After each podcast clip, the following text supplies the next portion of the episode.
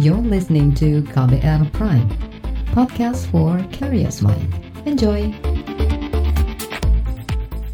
Pagi saudara, kembali kami menjumpai Anda melalui program Buletin Pagi KBR, Senin 27 April 2020. Bersama saya Don Brady. Kami telah menyiapkan sejumlah informasi terkini di antaranya larangan mudik rugikan industri pelayaran dan penerbangan. Komentan klaim stok pangan aman hingga lebaran. Pandemi COVID-19 PT Freeport didesak liburkan karyawan. Inilah Buletin Pagi selengkapnya. Terbaru di Buletin Pagi.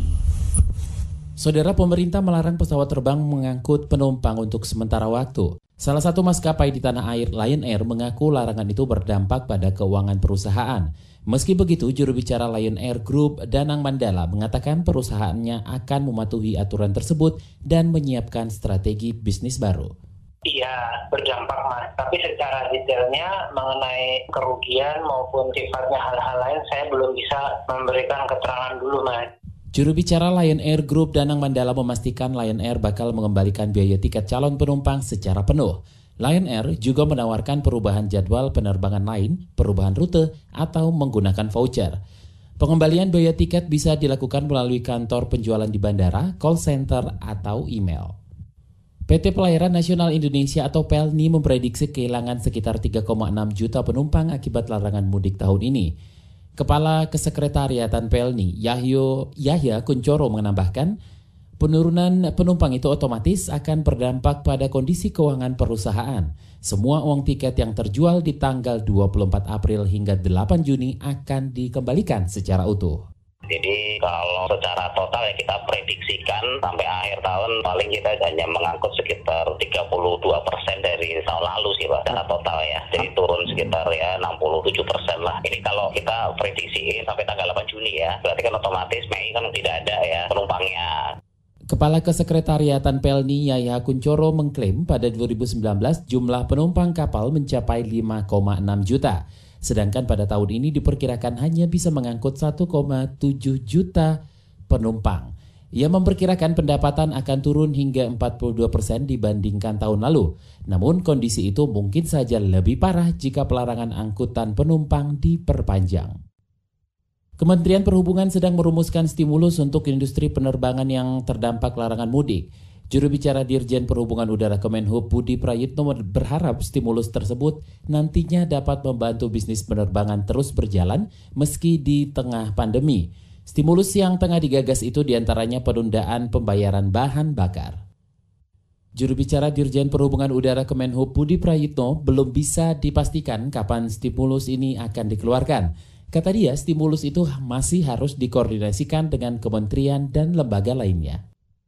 Saudara, pemerintah bakal memperketat penjagaan dan penindakan kepada para, para pemudik. Menteri Koordinator Bidang Politik Hukum dan Keamanan Menko Polhukam Mahfud MD menegaskan mobilitas manusia harus dibatasi demi memutus mata rantai penyebaran COVID-19. Kebijakan larangan mudik berlaku untuk semua daerah. Kata dia, kepolisian akan memastikan pemudik kembali ke asalnya jika memaksa mudik. Kalau pemerintah itu mengumumkannya umum, tidak boleh mudik, tidak ada PSBB, tidak atau ada, itu yang diputuskan oleh pemerintah. Tetapi di dalam praktek, mungkin ada ya, di dalam praktek ada kebijakan-kebijakan tertentu, di mana orang, misalnya di luar Jawa itu ada daerah yang belum masuki COVID, mungkin antar kecamatan, antar kabupaten yang masih aman, mungkin saja bisa. Tetapi intinya pemerintah itu bisa melarang di mana pun, karena itu berlaku bagi seluruh Indonesia. Itu tadi Menko Polhukam Mahfud MD. Sebelumnya pemerintah memperlakukan larangan mudik lebaran mulai 24 April hingga 1 Juni 2020. Larangan berlaku untuk angkutan darat, laut, udara, perkereta apian, kendaraan pribadi, dan sepeda motor. Aturan itu tertuang dalam Peraturan Menteri Perhubungan tentang pengendalian transportasi selama masa mudik. Namun, pesawat diperbolehkan mengangkut kargo medis, sanitasi, dan logistik yang relevan. Pengecualian juga diberikan untuk pimpinan lembaga negara, tamu dan wakil negara, serta organisasi internasional. Beralih ke informasi penanganan COVID-19, saudara puluhan orang meninggal akibat COVID-19. Juru bicara pemerintah untuk penanganan COVID-19 Ahmad Yuryanto mengatakan penambahan kasus kematian pada terjadi di Jawa Timur dan Jakarta. Total ada lebih dari 8.800-an pasien positif. Dari jumlah itu, Jakarta memiliki 3.798 kasus dan Jawa Barat memiliki 912 kasus. Sementara pasien sembuh terbanyak ada di Jakarta, Jawa Timur, dan Sulawesi Selatan. Data yang kita dapatkan hari ini penambahan kasus positif yang terkonfirmasi dengan pemeriksaan real time PCR adalah 275, sehingga total menjadi 8.882. Jumlah pasien sembuh 65 orang sehingga total menjadi 1.107 orang. Pasien meninggal 23 orang menjadi 743 orang. Itu tadi juru bicara penanganan COVID-19 Ahmad Yuryanto. Kita ke mancanegara, kelompok negara G20 saat ini tengah berupaya menjembatani kesenjangan pendanaan kesehatan untuk menanggulangi COVID-19. Upaya ini diharapkan mampu mempercepat akses ke alat-alat kesehatan guna memerangi virus corona. Ketua G20 yang juga Menteri Keuangan Arab Saudi Muhammad Al-Jadaan mengatakan ada kesenjangan pembiayaan kesehatan sekira 8 miliar dolar Amerika atau sebesar 125 triliun rupiah. Ia menilai komunitas internasional masih dihadapkan pada ketidakpastian tentang kedalaman dan lamanya krisis kesehatan akibat COVID-19. Karena itu perlu kerjasama global yang kuat di semua bidang utamanya di bidang kesehatan. Pemimpin tertinggi Korea Utara Kim Jong-un kembali dikabarkan meninggal. Sejauh ini belum ada keterangan resmi dari Pyongyang mengenai keadaan Kim yang sebenarnya. Namun rumor ini muncul dari sejumlah negara. Mengutip New York Post, sebuah jaringan siaran Hong Kong mengklaim sumber terpercaya menyatakan Kim meninggal. Kabar ini, kabar ini awalnya datang dari intelijen Amerika Serikat yang menyebut Kim dalam kondisi kritis setelah menjalani operasi jantung pada Selasa pekan lalu. Namun Amerika Serikat menolak memberi komentar atas laporan itu. Saudara Kementan klaim stok pangan aman. Informasinya hadir usai jeda tetaplah di Buletin Pagi KBR. You're listening to KBR Pride, podcast for curious mind. Enjoy!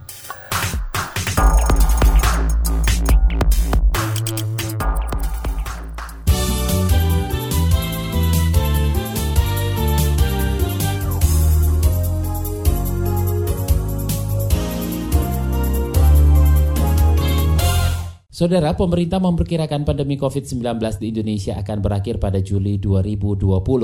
Menko Polhukam Mahfud MD mengatakan, pemerintah akan memperpanjang masa pembatasan sosial berskala besar atau PSBB dan pembatasan mobilitas manusia ke daerah. Ia mengklaim pemerintah akan mempertimbangkan keamanan masyarakat sebelum mengambil keputusan. Kalau mudik lebaran itu tentu sampai lebaran. Lalu nanti situasinya kalau perkembangannya menghendaki pergerakan orang dan barang itu harus dibatasi bisa diperpanjang. Karena kalau antisipasi pemerintah kan begini. Cuti lebaran, cuti hari raya ini kan ditiadakan. Dipindahkan ke Desember. Itu artinya antisipasi kita sampai Desember. Menko Polhukam Mahfud ND mengatakan pemerintah akan mengamati perkembangan penyebaran virus COVID-19 setelah lebaran penurunan dan efektivitas PSBB akan terus dievaluasi.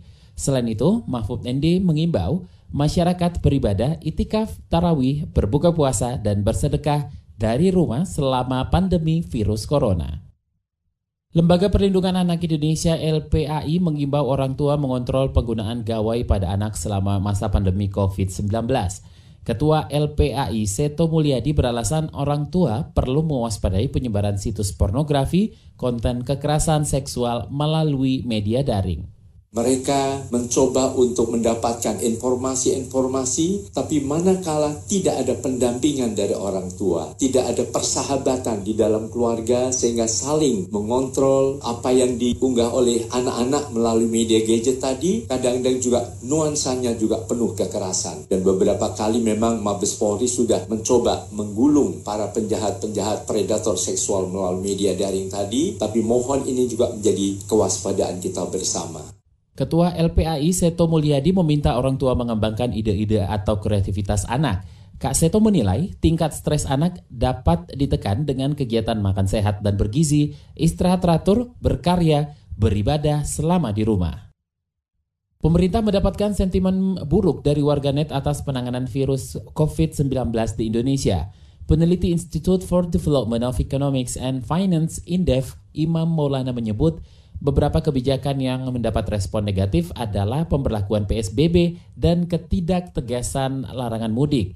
Itu lantaran dinilai tidak efektif, pemerintah juga dituding lepas tangan dalam memenuhi kebutuhan hidup rakyat kecil. Sebenarnya sebagian besar memiliki sentimen negatif mulai dari PSBB, pembebasan api, larangan mudik, dan sebagainya, kecuali satu yaitu pembebasan listrik memiliki sentimen positif yaitu sebesar 94%. Secara keseluruhan dari tanggal 27 Maret hingga 25 April, eh, analisis yang kita lakukan masih didominasi dengan eh, sentimen negatif yaitu sebesar 60, 68%. Dan di, kita mendapatkan sekitar 480 ribu perbincangan dari 400 ribu orang. Peneliti Indef Imam menyebut kebijakan lain yang dinilai negatif adalah pengangguran akibat COVID-19, kartu prakerja, dan aturan khusus penghinaan presiden. Beralih ke informasi lain, Saudara Lembaga Bantuan Hukum LBH Jakarta mengecam pernyataan Mahfud ND terkait kasus peretasan akun WhatsApp Raffio Patra. Direktur LBH Jakarta Arif Maulana menegaskan, Raffio telah melindungi akun media sosial dan handphonenya sesuai standar – Menurutnya, perlindungan data pribadi di Indonesia masih rendah. Siapa yang ingin HP-nya diretas, ya kemudian menyebarkan berita yang tidak dia tulis dan dia harapkan begitu kan? Nggak ada yang berniat seperti itu. Bahkan itu akan merugikan dirinya sendiri, dan tidak masuk akal. Nah, tugas negara justru adalah memberikan perlindungan, jaminan perlindungan kepada warganya. Ya kalau ada pelaku peretasan ya ditangkap, diungkap. Direktur LBH Jakarta Arif Maulana menganggap penangkapan Raffio sebagai upaya pembungkaman kritik terhadap pemerintah. Arif menilai kepolisian bertindak sewenang-wenang dan mencari kesalahan atau celah menjerat Raffio. Sebelumnya, Raffio Patra ditangkap atas dugaan provokasi lewat pesan berantai. Padahal Raffio sebelumnya telah menginformasikan bahwa akun WhatsApp-nya telah diretas. Beralih ke informasi ekonomi, Kementerian Pertanian Kementan mengklaim stok pangan di Indonesia hingga lebaran aman. Menteri Pertanian Syahrul Yassin Limpo menyebut neraca pangan nasional bagus selama pandemi COVID-19. Hingga saat ini ada tiga opsi pendekatan ketersediaan pangan, yaitu pendekatan optimis, moderat, dan pesimis.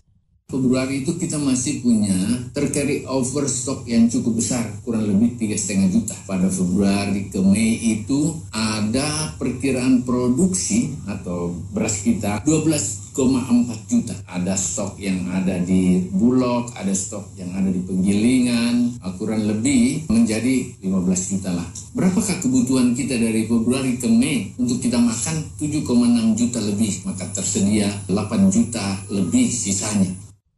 Menteri Pertanian Syahrul Yasin Limpo mengatakan 400 kabupaten telah melaporkan hasil pertaniannya, sehingga tiga bulan ke depan pasokan dan stok gabah tersedia. Menurutnya ada 11 komoditas yang diperhatikan pemerintah di antaranya beras, jagung, bawang merah, bawang putih, daging sapi, dan daging ayam. Direktorat Jenderal Pajak Kementerian Keuangan memastikan stimulus penurunan tarif pajak penghasilan atau PPh bagi wajib pajak badan mulai berlaku pada pajak tahun berjalan 2020. Direktur Penyuluhan, Pelayanan dan Hubungan Masyarakat DJP Hestu Yoga Saksama mengatakan, melalui stimulus itu maka tarif lama 20, 25% dan 20% tidak berlaku lagi. DJP telah mengambil kebijakan penyesuaian angsuran pajak untuk tahun pajak berjalan 2020 diberlakukan pada masa pajak batas waktu penyampaian SPT tahunan PPH tahun pajak 2019. Dengan demikian, tarif baru sebesar 22% bagi wajib pajak badan secara umum mulai berlaku pada masa pajak April 2020 dengan batas sektor 15 Mei 2020. Laporan khas KBR tentang imbauan ibadah Ramadan di rumah belum efektif akan hadir usai jeda tetaplah di Buletin Pagi KBR. You're listening to KBR Pride, podcast for curious mind. Enjoy!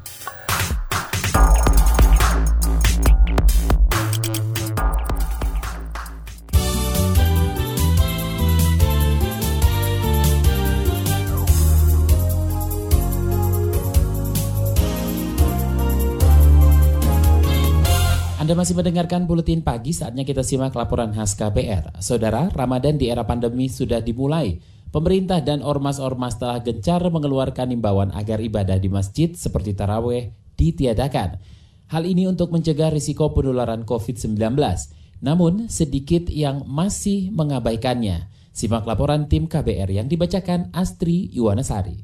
Imbauan ibadah di rumah selama Ramadan seperti dianggap angin lalu. Masih banyak warga di berbagai daerah yang tetap melaksanakan sholat berjamaah di masjid. Di Lok Sumawe Aceh, pemerintah kota juga tegas menyebut tidak melakukan pelarangan. Sekda Lok Sumawe Tengku Adnan mengklaim mereka tetap memperlakukan pembatasan ketat selama ibadah berlangsung. Tapi yang paling penting jaraknya diatur. Jaga jarak. Kita sudah terapkan 50 cm minimal kan. Kemudian setiap jamaah wajib pakai masker. Kemudian kalau sebelum masuk masjid dicuci tangan lah pakai sabun ya lanjut aja sholat jemaah seperti biasa. Adnan mengakui aturan pembatasan itu baru diberlakukan di masjid-masjid besar atau yang kerap dikunjungi pendatang. Namun, pada hari pertama tarawih di Masjid Raya Baitur Rahman, Banda Aceh, Kamis pekan lalu, terpantau tidak ada pembatasan jarak dalam barisan jamaah. Hasan Basri, seorang jemaah menyebut tarawih Ramadan kali ini sangat sepi, tidak seperti tahun-tahun sebelumnya yang sampai puluhan ribu orang. Hasan mengakui ada rasa khawatir tertular virus corona. Saya memang khawatir, apalagi kita di antara rame-rame ini kan tidak tahu ada yang dari mana, ada yang dari luar, apa yang dari dalam. Kita yang penting jangan bersentuhan dengan orang lain. Jadi di saat sholat itu kita jaga jarak, jangan bersentuh. Kita jaga diri kita sendiri sampai dengan selesai. Mudah-mudahan. Bergeser ke Kabupaten Bogor, Jawa Barat, pemandangan kurang lebih sama juga bisa ditemukan di wilayah Ciomas. Warga setempat Ahmad Farhan mengatakan masih melaksanakan sholat tarawih berjamaah di masjid. Kata dia, jumlah jemaah yang hadir berkurang drastis karena perempuan dan anak-anak dilarang ikut serta. Iya selama masjidnya masih dibuka, ya udah ke masjid aja gitu. Karena kan sayang juga kalau sholat di rumah, kalau di masjid kan pahalanya lebih besar. Kita dapat pahala iktikaf, pahala berjamaah di masjid dan lain-lain. Menurut Farhan, jemaah juga melakukan pembatasan jarak dalam barisan sholat. Namun tidak ada aturan baku.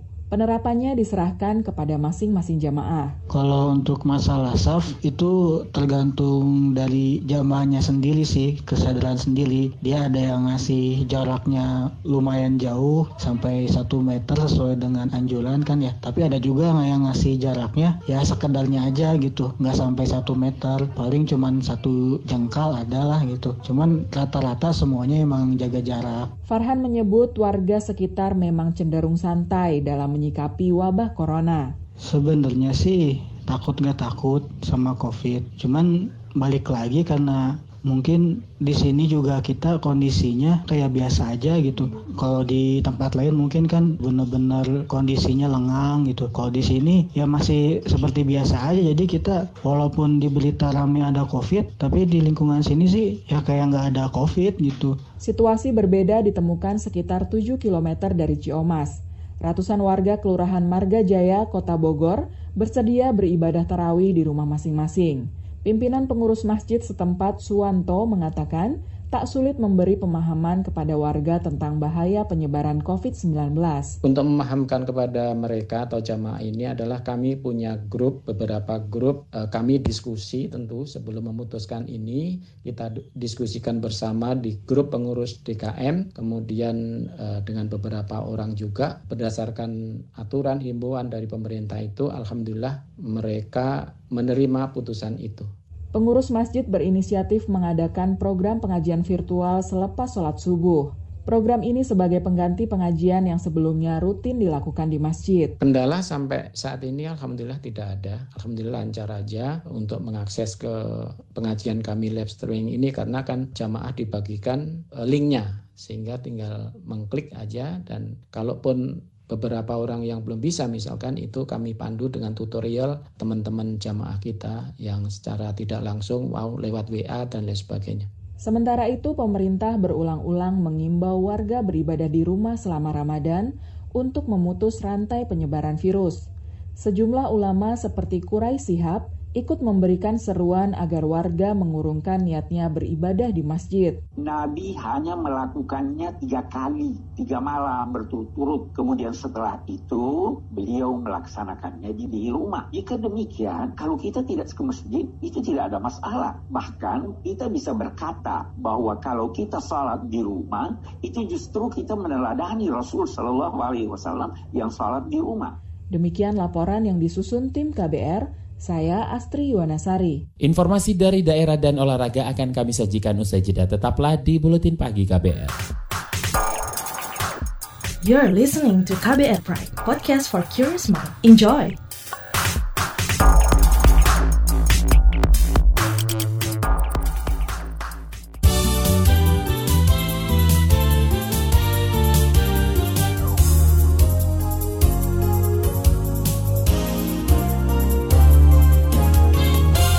Inilah bagian akhir buletin pagi KBR. Saudara PSSI menerima dana bantuan sekira 7,7 miliar rupiah dari FIFA.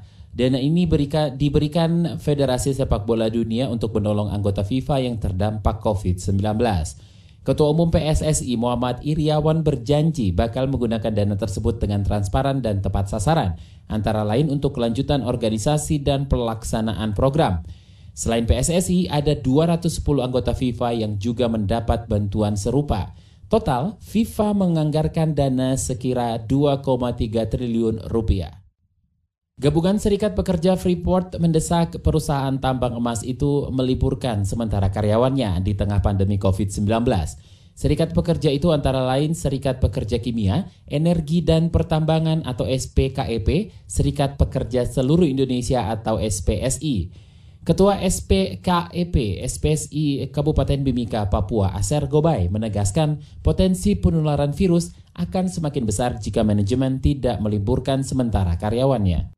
Saya sudah sampaikan harus duduk bersama dulu dengan serikat, dengan manajemen harus dibicarakan semua pengaturan waktu kerja. Bila-bila per bisa perlu ya mereka bisa bisa diliburkan lah. Uh, tanggapan manajemen mereka masih mau jalankan produksi, tapi sampai sekarang belum diatur baik Menurut Aser Gobay, PT Freeport masuk dalam industri yang tak wajib beroperasi di tengah pandemi. Apalagi hasil produksi tak bisa dipasarkan karena jumlah negara yang menjadi tujuan pengiriman hasil produksi kini sedang memperlakukan lockdown di tengah pandemi COVID-19 kini.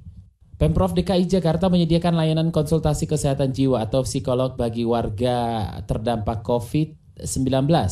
Kepala Bidang Pencegahan dan Pengendalian Penyakit Dinas Kesehatan Provinsi DKI Jakarta, Dwi Oktavia, mengatakan psikolog di puskesmas akan memberikan layanan dukungan kesehatan jiwa dan psikososial melalui telepon dan pesan WhatsApp. Program kesehatan jiwa ini awalnya merupakan program rutin yang ada di DKI Jakarta.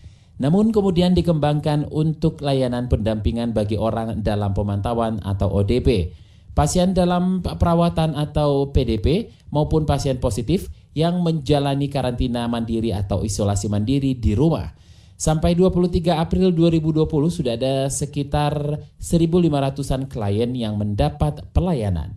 Saudara tiga orang santri di Kabupaten Simele, sebuah kawasan pulau terluar di Provinsi Aceh terinfeksi COVID-19. Kepastian itu berdasar hasil tes cepat yang dilakukan pada Sabtu pekan lalu. Juru bicara gugus penanggulangan COVID-19 Kabupaten Simele Ali Muhadsyah mengatakan tes cepat dilakukan pada enam orang santri yang belajar di sebuah pondok pesantren di Provinsi Jawa Timur. Di sisi lain, pemerintah Kabupaten Simele juga mengimbau seluruh masyarakat di daerah kepulauan tersebut agar mematuhi protokol kesehatan yang diterbitkan oleh pemerintah. Informasi tadi menutup jumpa kita di Buletin Pagi hari ini. Pantau juga informasi terbaru melalui kabar baru, melalui website kbr.id, Twitter kami at berita KBR, serta podcast melalui kbrprime.id. Akhirnya saya Don Brady undur diri. Salam.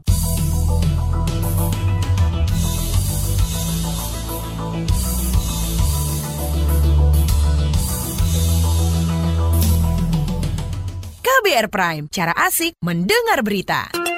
KBR Prime, podcast for curious mind.